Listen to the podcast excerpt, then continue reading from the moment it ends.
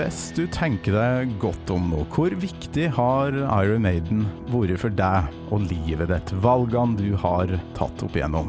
Eller hvis du har et annet favorittband, hvor viktig har favorittbandet ditt vært for deg, tror du? Jeg gjetter på at det kanskje er viktigere enn du tror. Han du skal få møte nå, er er historiker, og det ble han pga. Iron Maiden, og det syns jeg er så utrolig vakkert. Og det her eh, kommer til å bli langt, muligens den lengste episoden hittil, men hva gjør vel det når vi skal gå gjennom og nerde på en drøss med deilig gammel Maiden?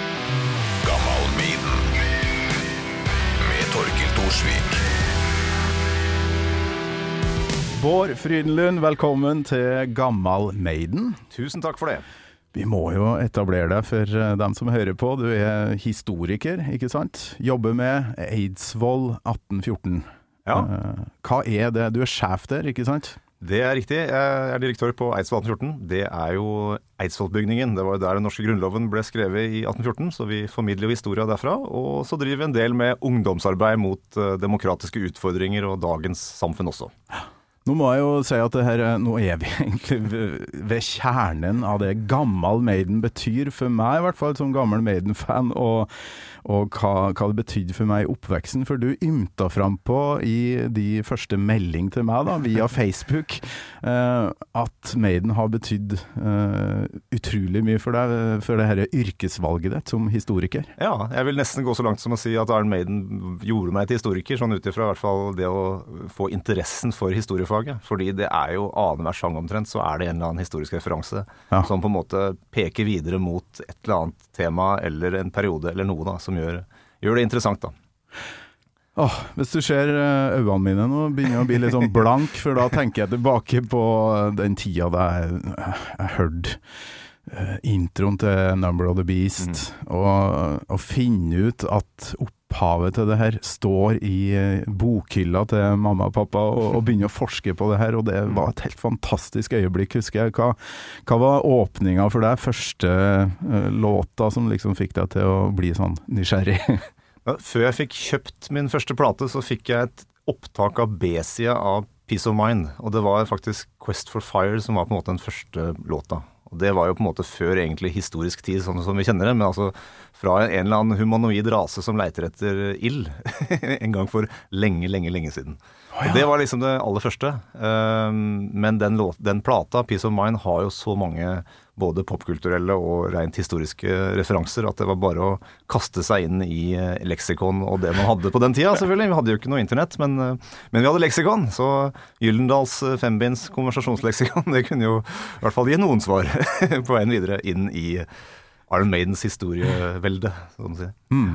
Ja, for min del så var det også Nærøy folkebibliotek fikk Ja, jo da et par-tre besøk mer enn de hadde fått fra meg, da, hvis det ikke hadde vært for, for Maiden. Og, men Quest for Fire, altså i voksen alder så har vi jo skjønt at uh, hele teksten der, uh, åpningssetninga, ødelegger ganske mye for den låta. Det er, det er jo sånn at uh, kjære Steve Harris og kjære Bruce Dickinson, de, de lager fantastiske tekster, men det er ikke alltid at kvalitetssikringa er på. Og det er klart at eh, Quest for Fire, der begynner det ganske dårlig med da In a time when dinosaurs walked the earth. Og er det noe vi er helt klar over, er at eh, det aldri fantes noen mennesker eller humanoide raser som gikk samtidig med det vi kjenner som dinosaurer. Trenger ikke å være Så- historiker engang for å, å vite at uh, det er vel 66 millioner år som skiller de her to. Ja, så det er, det, er, det er betydelig. Men det, hva gjør man ikke for kunsten, på en måte, og, og, og for en god sangtekst? Så det Vi må jo på en måte ha Jeg har jo veldig Jeg må si at jeg, jeg tar av historikerfilteret veldig mye når jeg hører ikke bare Maiden, men mange andre band som på en måte prøver seg på et eller annet historisk narrativ. Det, det går ikke alltid bra, men det er, det er, er god underholdning, og det er, det er, det er gode, gode opplevelser, sånn, uansett. Du, det her kommer til å bli en helt eh, kickass-episode, for nå skal vi gå gjennom mye bra framover her. Men uh, vi må nesten bare høre den her setninga som, som uh, veldig mange snakker om. That's it. Det er den setninga Ja, som det- trengs for å ødelegge en hel tekst. Men, men farsken for ei låt, da. Og Jo.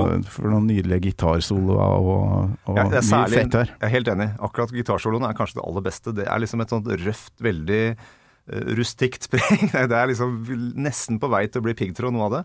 Eh, så, så mye piggtråd du kan få ut av Iron Maiden, syns jeg. Mm. Men, eh, men det er jo Ja, så, så den er en veldig god start men det er, men, som låt. Men, men akkurat teksten, den, den, den lar vi gå videre. Det gjør vi. Du, jeg syns det er så godt å høre noen som sier at det her bandet uh, har betydd såpass mye at uh, ja, det, det betydde jo da ei retning i livet for din del. Interesse for uh, det, det som har skjedd. Historie, storhets... altså hva som ble ditt hovedområde da, når du ble historiker? Det er jo Rhyme of the Ancient Manor-perioden. altså Det er jo Samuel Taylor Coleridge-perioden. Okay. Seint seint 1700-tall, tidlig 1800-tall, som er min eh, spesialperiode. Ja, for vi deler jo inn eh, verdenshistoria i Maiden-låta, selvfølgelig. sant? Det er ja. det som er referanse nummer én. Ja, min favoritt er jo eh, Alexander the Great-perioden. Ikke sant? Men jeg, jeg syns det er så digg, for mm, jeg sjøl òg har jo på et vis havna her. Uh, har havna nå i radio og med rockemusikk av det her bandet. Begynte i band sjøl, og, og jeg tror det er utrolig mange som hører på, som kan si det samme, da. Om det ikke er yrke, så er det i hvert fall uh, hva man gjorde etter ungdomstida. At øh, Maiden har betydd så mye. Men uh, hva, hva ble liksom din første vei inn i historikeryrket, eller uh, Ja, altså, det, det er litt sånn rart, fordi det egentlig når jeg da når, jeg, skal aldri si at eh, Maiden-interessen har kjølna, men det er på en måte når vi vipper over i Blaze Bailey-perioden, så er det klart at da skjer ting også med min interesse. Og det er da jeg begynner på historie, eh, på, på Blindern. Eh, Det er jo da 94. Og det er, jeg husker jeg studerte litt psykologi i Bergen først, og var, jeg så på TV i Bergen avrettelsen av Bruce Dickinson med han derre jeg husker- Simon, Nettopp. Simon Yes, Drake. Simon Drake. Det var jo han som tok, og, og tok livet av Bruce Dickinson i London Dungeon, var det ikke det som var liksom ramma for det hele? Ja. Så, og det var også Da følte jeg liksom da, da gikk litt lufta ut, altså. så da, da, men da begynte jeg på historiefaget, så tok jeg i hvert fall mye av elementene fra Maiden da, inn i faget, og, og på en måte den, eh, den veien som da ble utover 90-tallet. Mm. Så det er klart at fram til Brave New World så var det litt kjølig, egentlig. Men eh, det kom kraftig tilbake igjen, da, syns jeg. Så ja, så du har øh, Du hører en del på de nyere tinga nå? Ja, og de har jo blitt enda kraftigere sånn historieforankringsmessig. Både ja. Book of Souls, for ikke å snakke om, men også, også A Matter of Life and Death. Det er jo krigshistorie 100 egentlig. Mm. Så de har jo på en måte De er ikke aleine om det, men det er veldig få band som, som gjør det så eksplisitt at det er på en måte historiefortellingene betyr så mye for bandets eh, kunstneriske virke. Da. Det er, Der syns jeg Maiden er eh, helt i Helt i toppsjik- toppsjiktet. Som i alt annet, selvfølgelig også.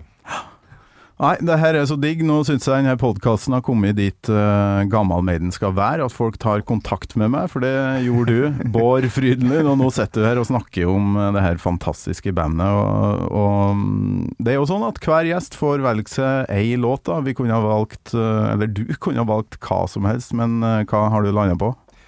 Jeg er tilbake på Peace of Mind, det som på en måte var den første uh, skiva som jeg hadde fikk uh, der åpenbaringen med Maiden var, og da går vi rett og slett i åpenbaringen selv, nemlig Revelations. Revelations. Og så Ja, hvordan skal vi Vi har jo ikke lov til å spille så mye musikk i podkast, men det er jo enkelt og greit, deilig den der eh, bassen til Steve Harris i, i åpninga her, det som går helt opp øverst på hals, basshalsen.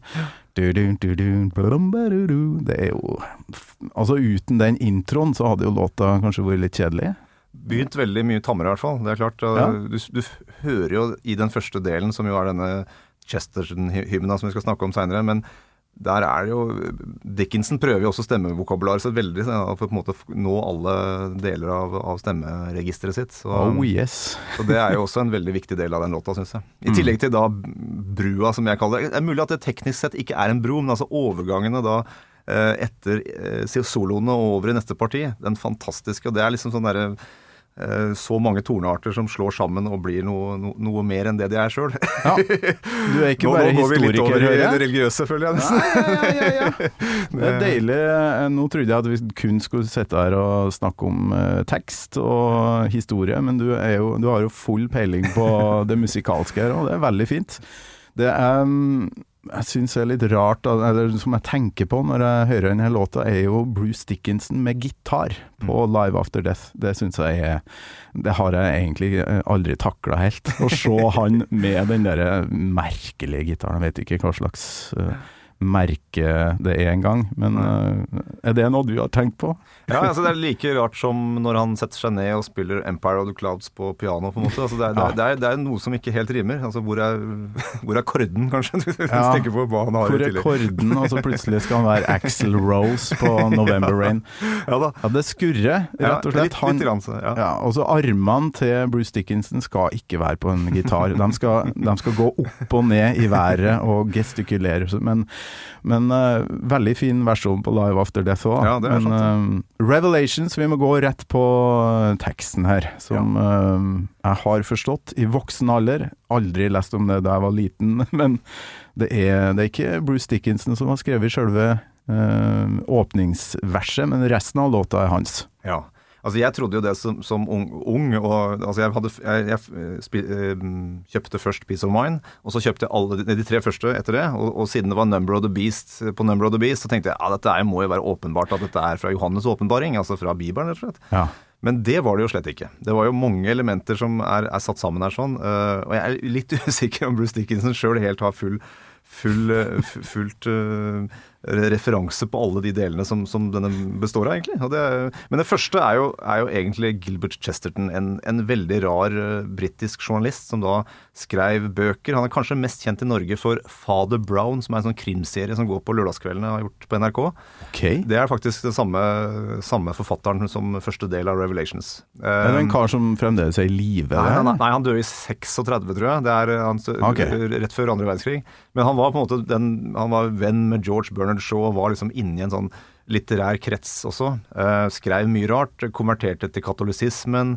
Uh, og han ser ut, eh, apropos krim, krimstørrelser som, som går på NRK. Du har kanskje sett Vera, som gikk som, gikk som påskekrim, blant annet. Altså, Han så faktisk Hvis du, hvis du pumper opp Vera til en to meters størrelse i samme type eh, regnjakke og hatt og alt mulig, så så han sånn ut, bare med bart og, og briller. Okay. Svær som en låvedør, og ble også karikert på det av britisk media, også når han var ute med noe, noe nytt han hadde skrevet. Og skrev var jo også journalist sjøl, da. Men veldig sånn paradoksenes mann som ble eh, veldig mye kritisert. Eh, men denne her, dette var jo no, noe han fikk inn da i den, hva skal vi si, den eh, britiske eh, salmesangkorpusen. altså det som på en måte er, er standardverket for, for britisk kirke, eh, den anglikanske kirke.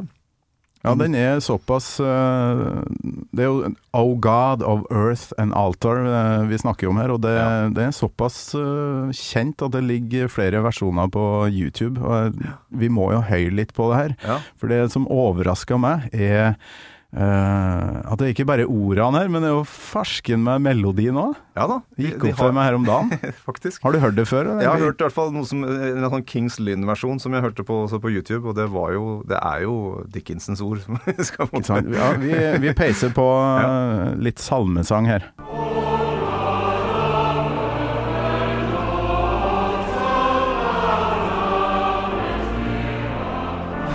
Det var helt likt melodisk. Ja, ja, ja. Ikke noe trompet, da.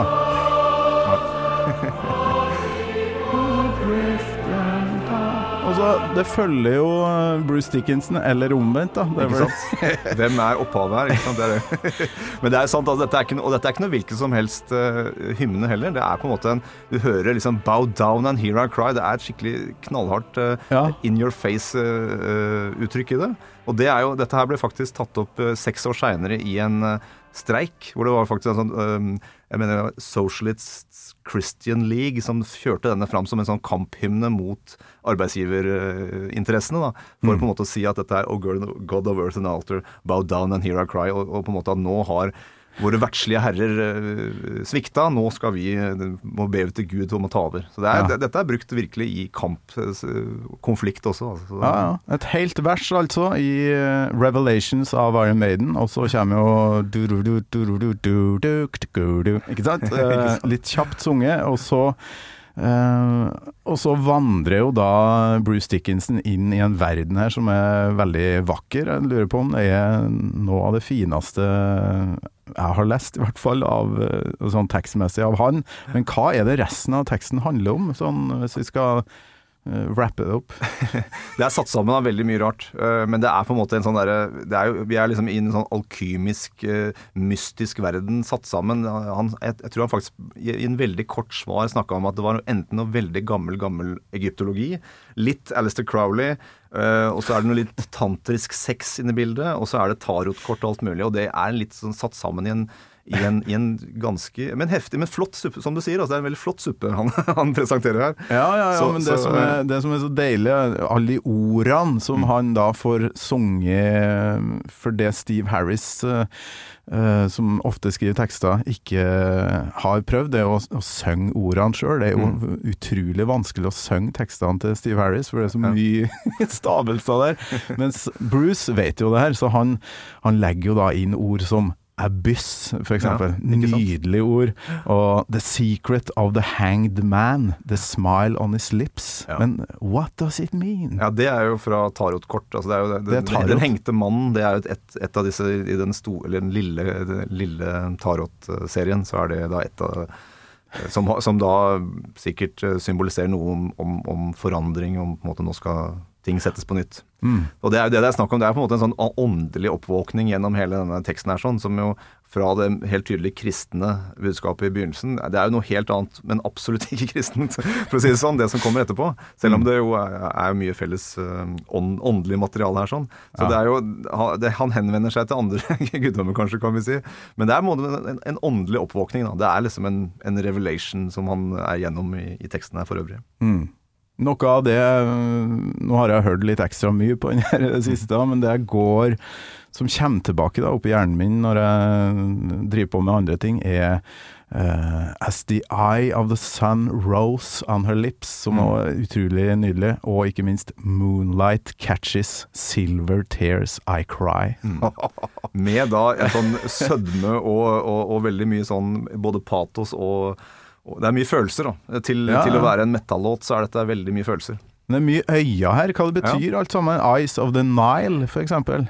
Det er- det må- det er- Nilens øye. Ja, og det er jo den du Altså, Power Slave, ikke sant. Det er jo mye av den egyptologiske eh, referanserammen her, ikke sant. Det er mye fra det, men det ble også brukt i den type hermetisk eh, magi, alkymikretsene alkemikretsene på alt fra middelalderen og framover. At man refererte veldig mye til den egyptiske pantheon, eller gudeverdenen der, da. Så, så The Eyes of the Nile er på en måte en sånn, ja, en, en øyeåpner for, for oss alle. Kanskje vi kan trekke det inn i dollarseddelen med da dette, dette opplyste øyet, altså med da Illuminati, og nå kan vi virkelig gasse oss i, i konspiratoriske vendinger her, syns jeg.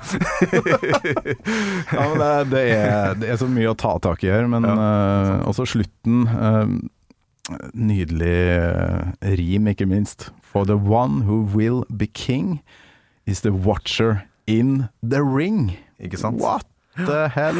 Altså, Ja, altså, nydelig rim, og det er nydelige ord her. Watcher, altså du får jo sånn uh, fantasy-tanker med en gang. The Ja. Watcher in the ring. Men uh, jeg tenker jo Lord of the Rings, jeg tenker Gud, kanskje. Eh, Kanskje en eller annen slags sirkel som man driver en eller annen åndemaning eller et eller annet sånt noe. ikke sant? Det er, Akkurat Ja, det det, er- det spinner jo kan det bety? Eh, Altså Rent konkret så er jeg litt usikker på akkurat hvilken ring det er snakk om, men, men det, er, det, er nok, det er nok en eller annen eh, form for eh, tilbedelsesring eller ja, frammaning av et vesen eller noe sånt noe. Jeg tror vi er Mm. i den eh, der. The light of the blind, you'll see. The venom that tears my spine. Eh, Det, det er også veldig det, Men det har noe med Det er en sånn der kabbalistisk tradisjon om at ting Du må på en måte gjennom en lidelse for å oppnå dypere erkjennelse om ting, og det, det er på en måte en, en, eh, en renselsesprosess, men også da en oppvåkning, en åpenbaring. Hva farsken er ikke gutten 22, ja, ikke 23 år gammel her? Ja. Og så skriver han uh, de ordene her. Altså, han må jo ha drukna i sånn Crowley hvem var Alistair Crowley? For det er jo en fyr Ja. som kommer igjen i, i eh, ja, Ozzy Osbourne, Black Sabbath, veldig mange band som har tekster om han, og er Ja.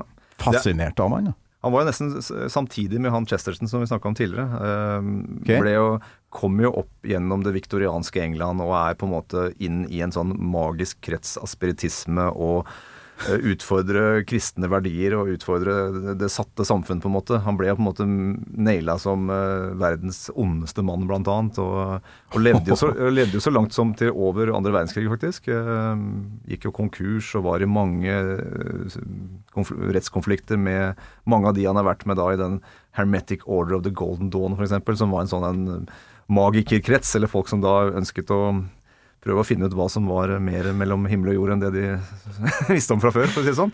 Så det, dette, det er en ganske heftig mann, og det er jo klart eh, det er jo også i sin låt som er den som går rett på sak. Eh, Ja. Bruce Dickinson er litt mer subtil i denne låta, hvis det har en direkte referanse til Crowley, for å si det sånn. Men, eh, men det er i hvert fall da innenfor det samme åndsfeltet som Alistair Crowley var i, får vi si, at Bruce Dickinson skriver den teksten her, i hvert fall. Det Alistair Crowley, the vaksinemotstander of the 18th century. ja, det er han også, ja, det er sant. det. Nå er- lever vi jo i eh, koronatida her. Vi sitter to meter fra hverandre, og det her eh, går så fint, det. Det er utrolig artig å høre en historiker sitte her og bare filetere uh, Revelations-teksten. Men vi må jo tilbake til den tida da du Um, ja, gikk i, i bokhylla og fant eh, leksikonet til foreldrene dine. Hva, ble du en sånn ordentlig metall-dude? For nå, nå setter du her i blazer og, og ser ut som en Jeg er, svart, jeg, historiker. er svart da. Det er klart, Kulturfargen er også metallfargen, sånn sett. Så vi, Ja, så du alle, med- alle kulturfolk går jo i svart, stort sett, så det, det går greit. Svart uh, skjorte greit. med snipp, da. ja. Jo, men det er mye metallfolk som, som er pent kledd også, vet du. Så det, det, det vet jeg alt om, men, uh, men hvordan var du på 80-tallet, da? For du, Nei, det var, det når er du født? Jeg er født i 72. Så jeg. Ja. Så jeg er eh, født da Jeg fikk med meg Jeg var jo da 14 og jeg så um, Maiden for første gang i Drammenshallen i 86. Uh, Oppdaga hans Maiden i 11-12-årsalderen med Piece of Mind eh, Ja. 84, 83, 83, unnskyld.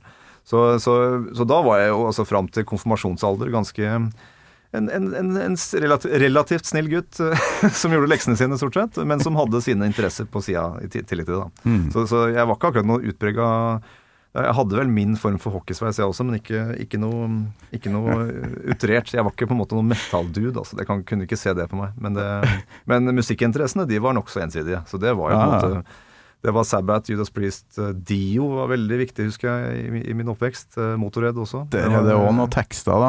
Dio. det er jo, han er jo innenfor et sånt eh, eh, litt sånn fantasy-prega eh, felt, han òg, altså, i høyeste grad. Jeg tror Bruce og Ronny James eh, Det er sånn soulmates. Ja. De tror jeg tenker ganske likt. Eller tenkt ganske likt, da. Eh, Kanskje de to flotteste stemmene også i Ja, fy flate. Men eh, ja, det her må jeg si nå eh, Det her er nesten et sånn eh, lite fuck you da, til alle de her eh, Du husker Twisted Sister, We're Not Gonna Take It-videoen med han Mm. pappaen der, som står og skriker What are you gonna do with your life? og så eh, På det tidspunktet så kunne du istedenfor å dratt den derre I wanna rock, og så bare gang, så kunne du sagt jeg vil bli historiker.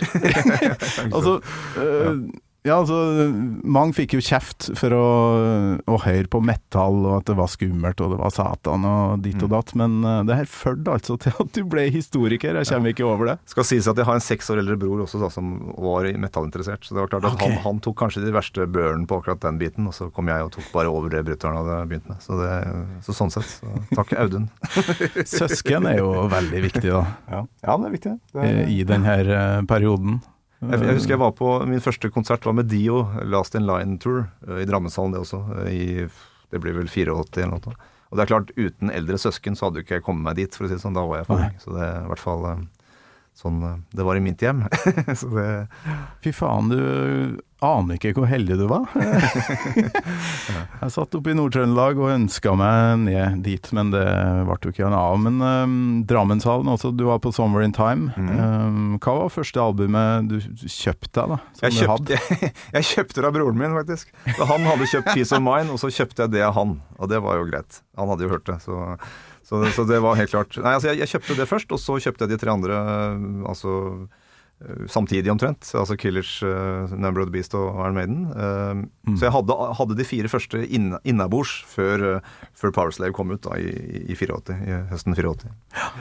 De, de to første med Paul Diano, kanskje litt mer um, eh, Ikke så mye sånne episke tekster, kanskje. Ikke så mye historie der. Men eh, Ja, litt er det, jo. sånn- altså Phantom of the Opera er jo veldig kobla opp mot kanskje mer eh, popkultur eller, eller opera. Altså den type del av, av kulturfeltet, for å si det sånn. Mer enn uh, rein historie som sådan. da. Men det er jo veldig veldig Iron Maiden å, å, å, koble det rett på en eller annen eh, litterær eller popkulturell referanse og spille på det, mer kanskje enn gå rett inn i sånn historiefaglige premissene som sådan. da. Og Det, det syns jeg er helt greit. Det er det som gjør det morsomt. Det er det som gjør det morsomt å på en måte grave mer og finne ut mer etter hvert også. Mm.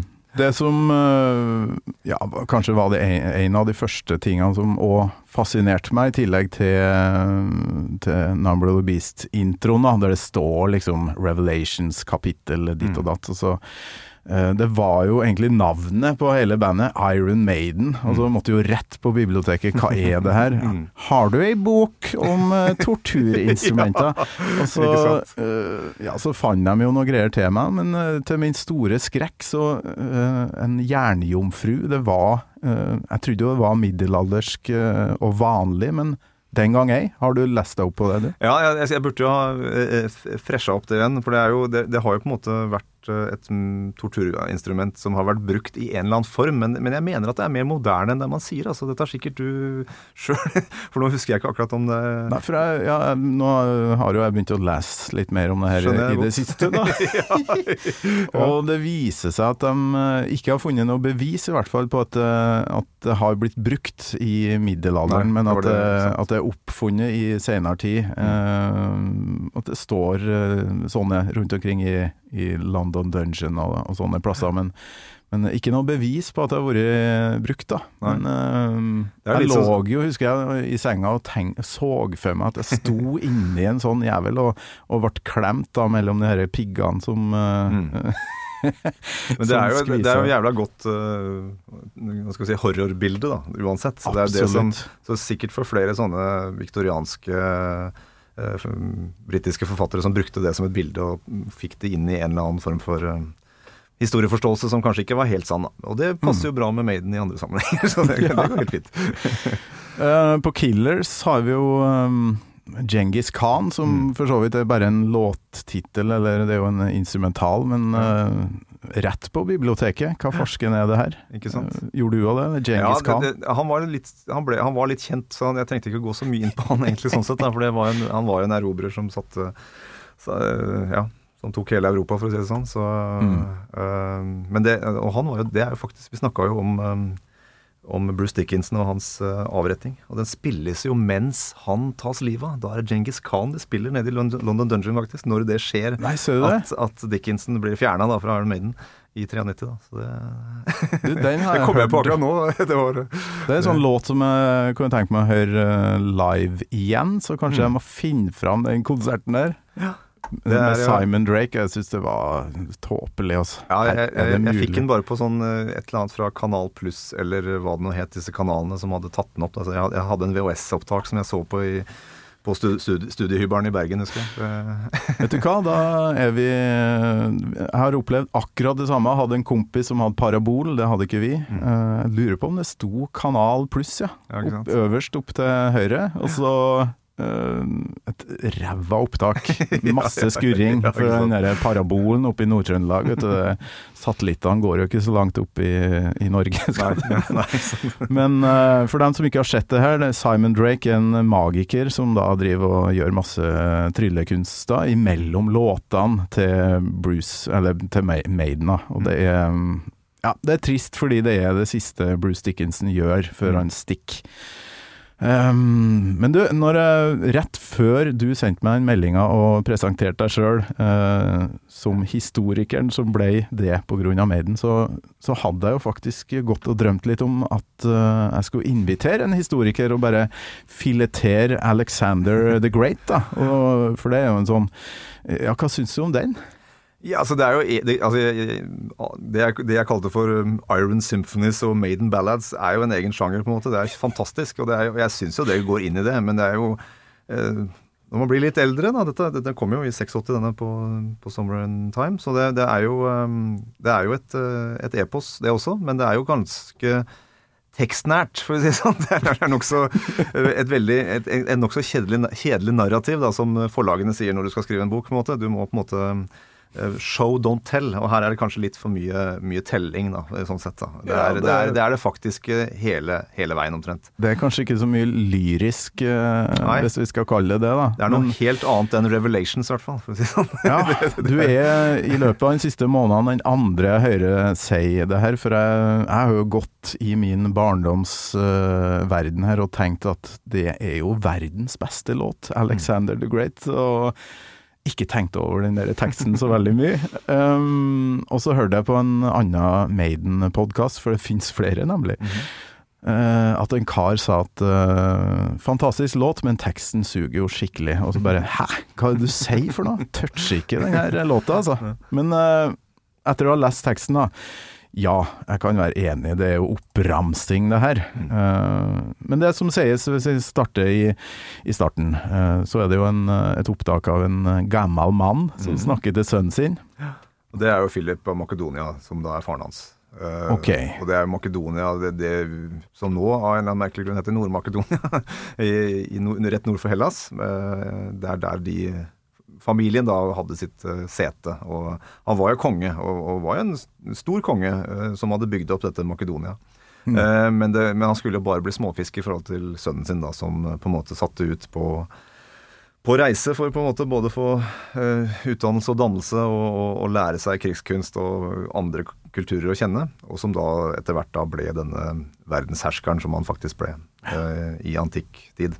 Du, det står jo som et sitat der. My son, ask for thyself another kingdom, for that which I leave is too small for thee. Kan, er det mulig å finne ut av om det er et uh, sitat eller ikke? Ja, altså det, det fins jo sikkert noen potteskårer hvor det står noe av hva han har gjort. Ellers, Ja, har, det blitt, ellers er det eh, antagelig noen greske historikere som har, har da eh, via, via muntlige overleveringer uh, fått etablert dette her som, eh, som det som faktisk ble sagt. Og så kan man spørre seg hvor, hvor, hvor hvor, korrekt var det? Men det, det er jo helt riktig. Hvis du tenker på størrelsene på da hans Makedonia og det som da ble det store verdensherredømmet til Aleksander den store. 339 eh, før, før Kristus, ikke sant? Ja.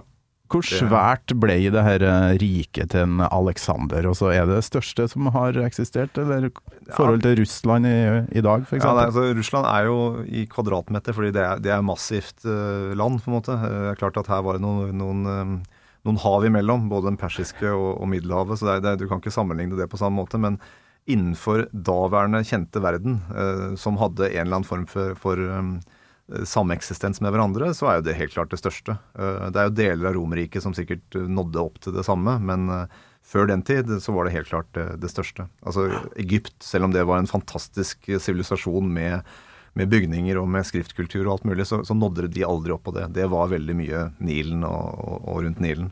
Så, så han to, og, han tok jo med seg det også, selvfølgelig. Så han, han eh, kom jo da helt til, eh, til Persia. Og, og, men, men at det, det, det Ekspansjonstrangen den på en måte satte sine grenser etter hvert, da, og da må det da, Han døde jo også, da, som det står i siste Nå skal ikke jeg Jeg skal ikke drive med spoiling her, Ja, altså. skikkelig spoiler. Og han, Ja, han dør faktisk. eh, Djengis eh, og Kublai Khan, var det ikke han het, han andre svære der? Hadde ikke de noen gigantiske riker på, på Jo, deres tid, da? Jo da, men det, det er også Det er, det er rein erobringsstyrke som forsvinner igjen, på en måte. Det er mye Her, her driver vi altså Alexander, Alexander den store, da, hvis jeg kan si det. Han er jo en institusjonsbygger også, på en måte, så det er mer varig sivilisasjon. da. Altså Han Ah. setter spor etter seg på en annen måte. Selv om selvfølgelig her- herjinger og overhøvlinger av, av Genghis Khan det satte sikkert spor etter seg, i hvert fall de første ti åra, men, men ikke på samme måte i et større perspektiv. Så um, Det er vel det som på en måte den antikke kulturen også eh, er noe annet enn de, de um, den kulturen som Genghis Khan sto for, da. Så det, mm. Bare nevne vi pusher 35 minutter. Bruker å holde meg på en halvtime, men det her ryker jo så klart, og jeg har ikke lyst til å slutte. Um, altså, His name struck fear into hearts of men. Var han en sånn fyr som folk var redd for? Det er klart at han kom med en eh, invasjonsstyrke, så det er jeg helt sikker på. At eh, når, når, man hørte i nabogrenda at, eh, at det kom noen som het Alexander og skulle gjøre krav på sitt eget landområde, så, så var det fryktbasert. Samme hvor eh, dannet og, og eh, kulturelt eh, for den sivilisasjonen han sto for. Da. Så Mm. ja, helt klart. Altså, det ramses jo opp her. Near to the east in a part of ancient Greece, in an ancient land called Macedonia. Um, was born a son, og bla, bla, bla. At the age of 19 he became the Macedon king, da. Uh, Ung, ung konge. Ja, Da hadde han jo vært på, vært på en sånn dannelsesreise allerede så, og sett seg rundt. da. Så han hadde på en måte sett hva som var potensielt å ta, eller, eller få nærmere kjennskap til, for å si det sånn. Ja, ja. ja, det ramses jo opp her. Det er jo, jeg har jo ikke tenkt over det her før, men det er jo det er veldig lite patos her. He utterly beat the armies of Persia, for eksempel. Ja. Eh, det persiske riket, var ikke det jo rimelig kraftig, altså mektig? Ja da, og det var også en veldig velutvikla um, sivilisasjon som sådan. Så det, også, det, det er jo det som er det store motstykket til, til den helen, helenistiske kulturen da, rundt Hellas og Makedonia og seinere Roma. Men så, så, det, så Persia var på en måte en sånn evig fiende. Det har vi jo, kjenner vi gjennom den trojanske krig og andre også, uh, ti, før Aleksanders tid også. Da. Mm. Så det å slå Persia var veldig sånn Det, det var eh, episk og, og Det var et paradigmeskifte i historien, for å si det sånn, da. Helt klart. Det er så mye ting her jeg ikke klarer å uttale, men uh, The Scythians fell by the river uh, Jaksartes. Ja. Det er, skyterne er et, var et folkeslag ved Svartehavet. Uh, Et, Ok. veldig, et veldig sånn Litt sånn som Djengis Khan, et veldig sånn rytter-kavaleridrevet folk. Mm. Uh, som ikke hadde noen sterk sivilisasjon. Det var veldig nomadeprega. Men uh, det ble også det, det, De underkasta seg veldig lett, da. Det var ikke noe, det, de hadde ikke noen forsvarsverker å stå imot, f.eks. Du, du er jo ekspert på ja, Norge rundt 1814. Ja. Eh, det var vel ikke Det var vel noe svenske Noe slag mot Sverige og sånt back in the days. Men det jeg tenker på når jeg hører om Alexander den store, er ja, du kan brenne en by, og du kan eh, drepe masse folk, men du skal jo reise videre. Og hva skjer når du eh, har stikket, da? Hva som skjedde med det her riket når Alexander og hæren hans eh, for videre på et vis, da? Det er klart at han, han bygger jo opp sivilisasjoner på løpende bånd, eller sin egen, da, på, på de stedene han, han eh, besetter. Og, og det er klart at da er det andre som må ta over, og da er det klart eh, Det er ikke alltid at de er fullt ut lojale. Og, og det, er, eh, det åpnes jo opp for, for indre splid og indre strid, stridigheter, det, og det skjer jo der også. Men det er klart at han har på en måte vist såpass erobringsevne og makt at folk også hjemme i Hellas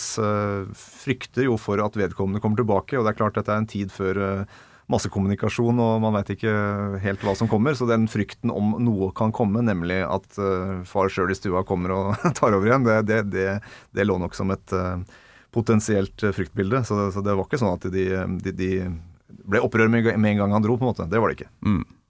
Nei, altså vi, vi kunne jo ha bare tatt vers for vers, men nå tror jeg vi skal vi, Jeg syns å huske at vi lova litt at vi skulle fokusere på peace of mind. Ja, skal vi, vi gå liten- tilbake dit? Ja, det syns jeg. Um, prøv å være litt kjapp nå. Vi, Ja. skal, vi starter med altså De skal jo etablere Nico McBrain her, som har erstatta Clive Burr med et helsikes trommebreik Ja.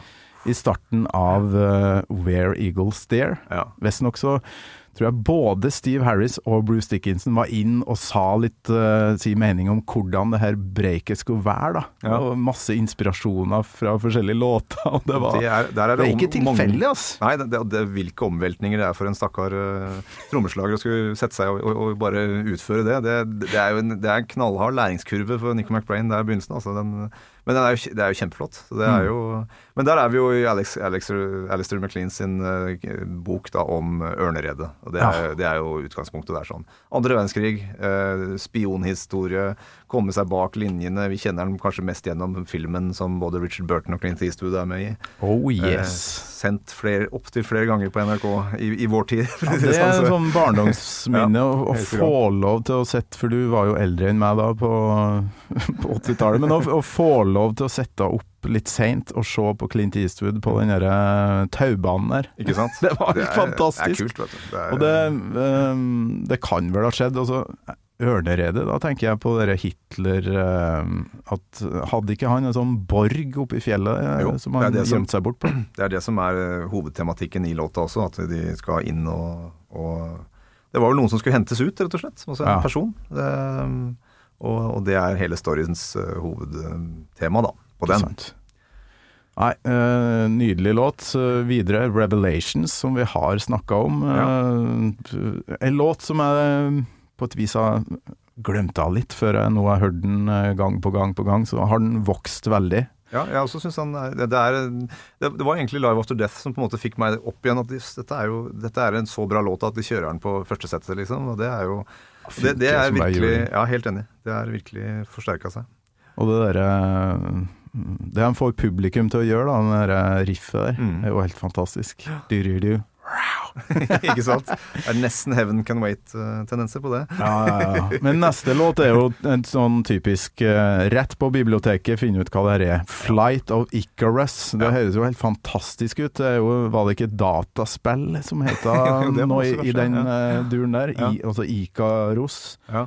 Nei, det, da er vi jo tilbake til Alexander, Alexander den store-verden igjen. Da. Så det er jo på en måte om Ikarus som uh, fikk seg noen vinger og smørte dem på med honning og skulle på en måte ha store ambisjoner, litt sånn som Babels tårn i Bibelen. At, man, at mennesket ønsker å nå opp til gudene med egne midler, på en måte. Og, bli, og brenner seg på det, da. Og det er jo det som skjer med stakkars Ikarus. At han jo Det blir for varmt, og honningen smelter, og han faller ned og dør.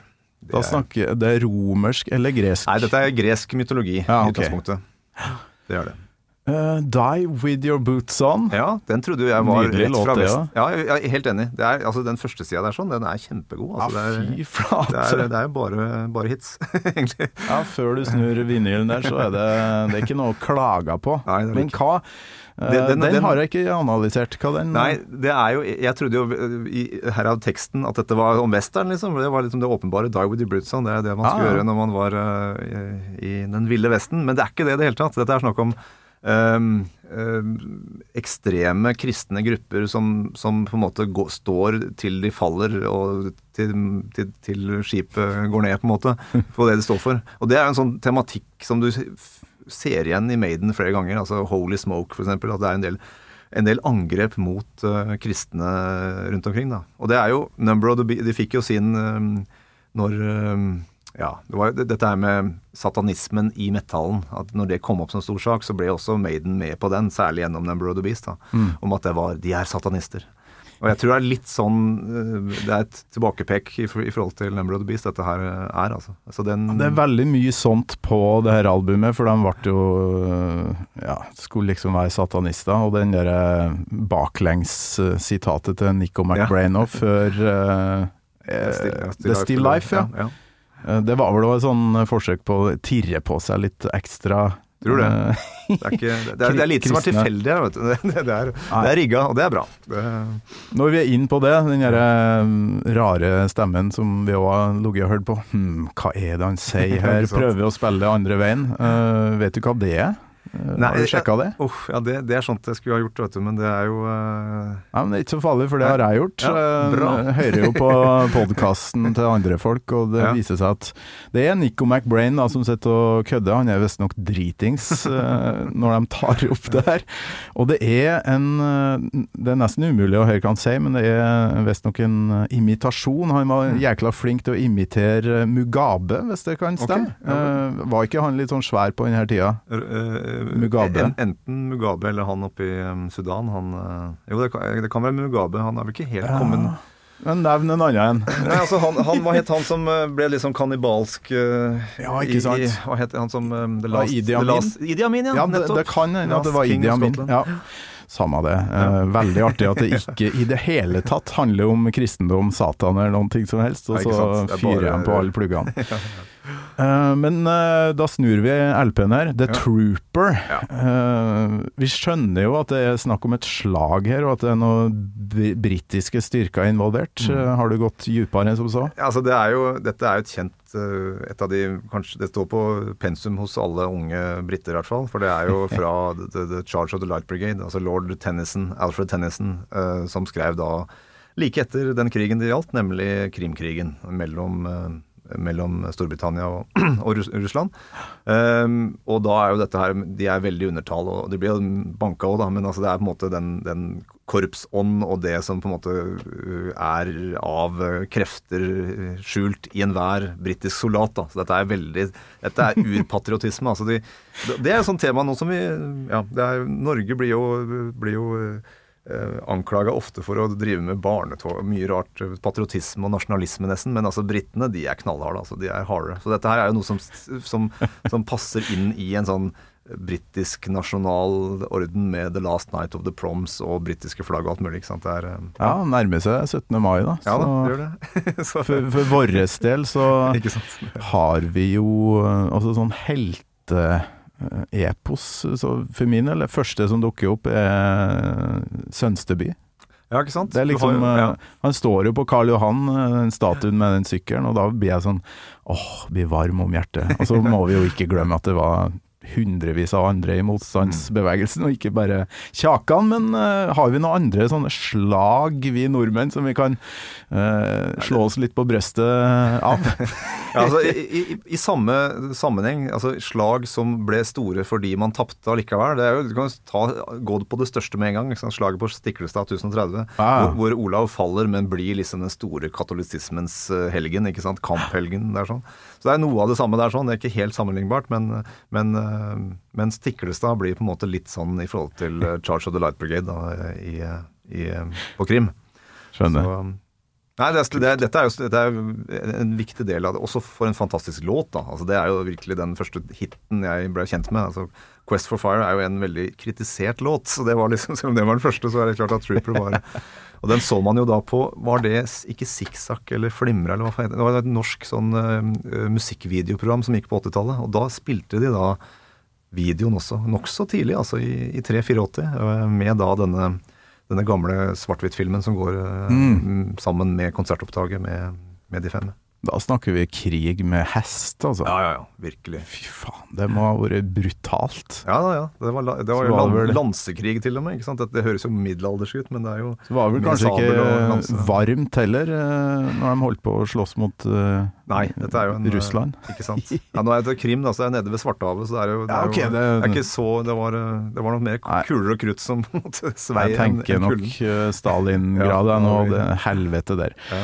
Vi må jo dessverre videre. The Ja. Trooper er jo liksom den Maiden-låta, kanskje? Ikke Som alle kanskje nevner som ikke er fans, da. Vi som er fans, har vel hørt den nok, kanskje? Jo, det er sant. Men den er, jeg blir aldri lei av The Trooper. Nei, Det er, blir ikke det. Altså, den, den, den hylinga med to-tre stemmer i refrenget der. Mm. Det er jo ikke noe refreng, det er jo bare Og, og apropos det, jeg må, dette er nå, nå kjører vi jo tidsplanen i, i grøfta. Du, det men- driter vi i. Men, men Vegård skole i hjembygda mi, Åsa Innsfri Steinsfjorden eh, på Ringerike, der fremførte vi nemlig The Trooper på skolerevy eh, da i 84, husker jeg. Og, da, og jeg fikk lov til å være Bruce Dickinson. Så det var og jeg, jeg, var nok ikke, jeg var nok den som pusha hardest på at det var den låta som skulle fremføres da. Selvfølgelig playback, selvfølgelig playback, men det var så. Ja, veldig bra. Men vi har flere låter. Ja, vi tar noen til her før vi rett og slett må, eh, må kalle det en dag. Men vi har jo eh, mulighet til å lage flere episoder hvis du er åpen for det. Ja, det det. Eh, Så bra. Still Life.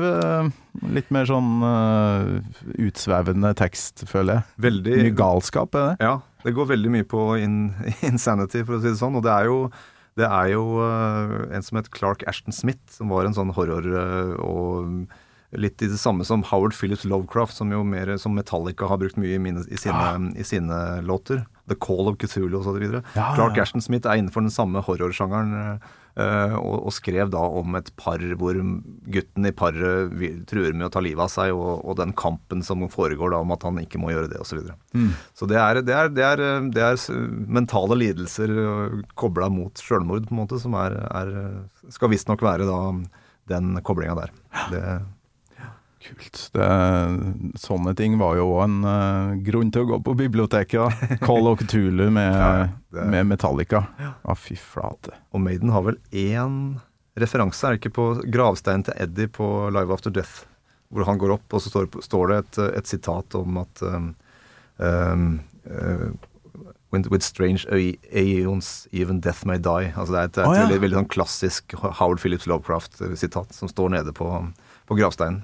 Litt skjult, selvfølgelig, men veldig oh. tydelig. Og det er sånn pek til Metallica også, tror jeg. For de har eh, Fy faen som jeg lærer i løpet av den eh, Maiden-reisa mi her. Fy flate, så bra. Nei, tusen takk for den. Den skal jeg sjekke ut.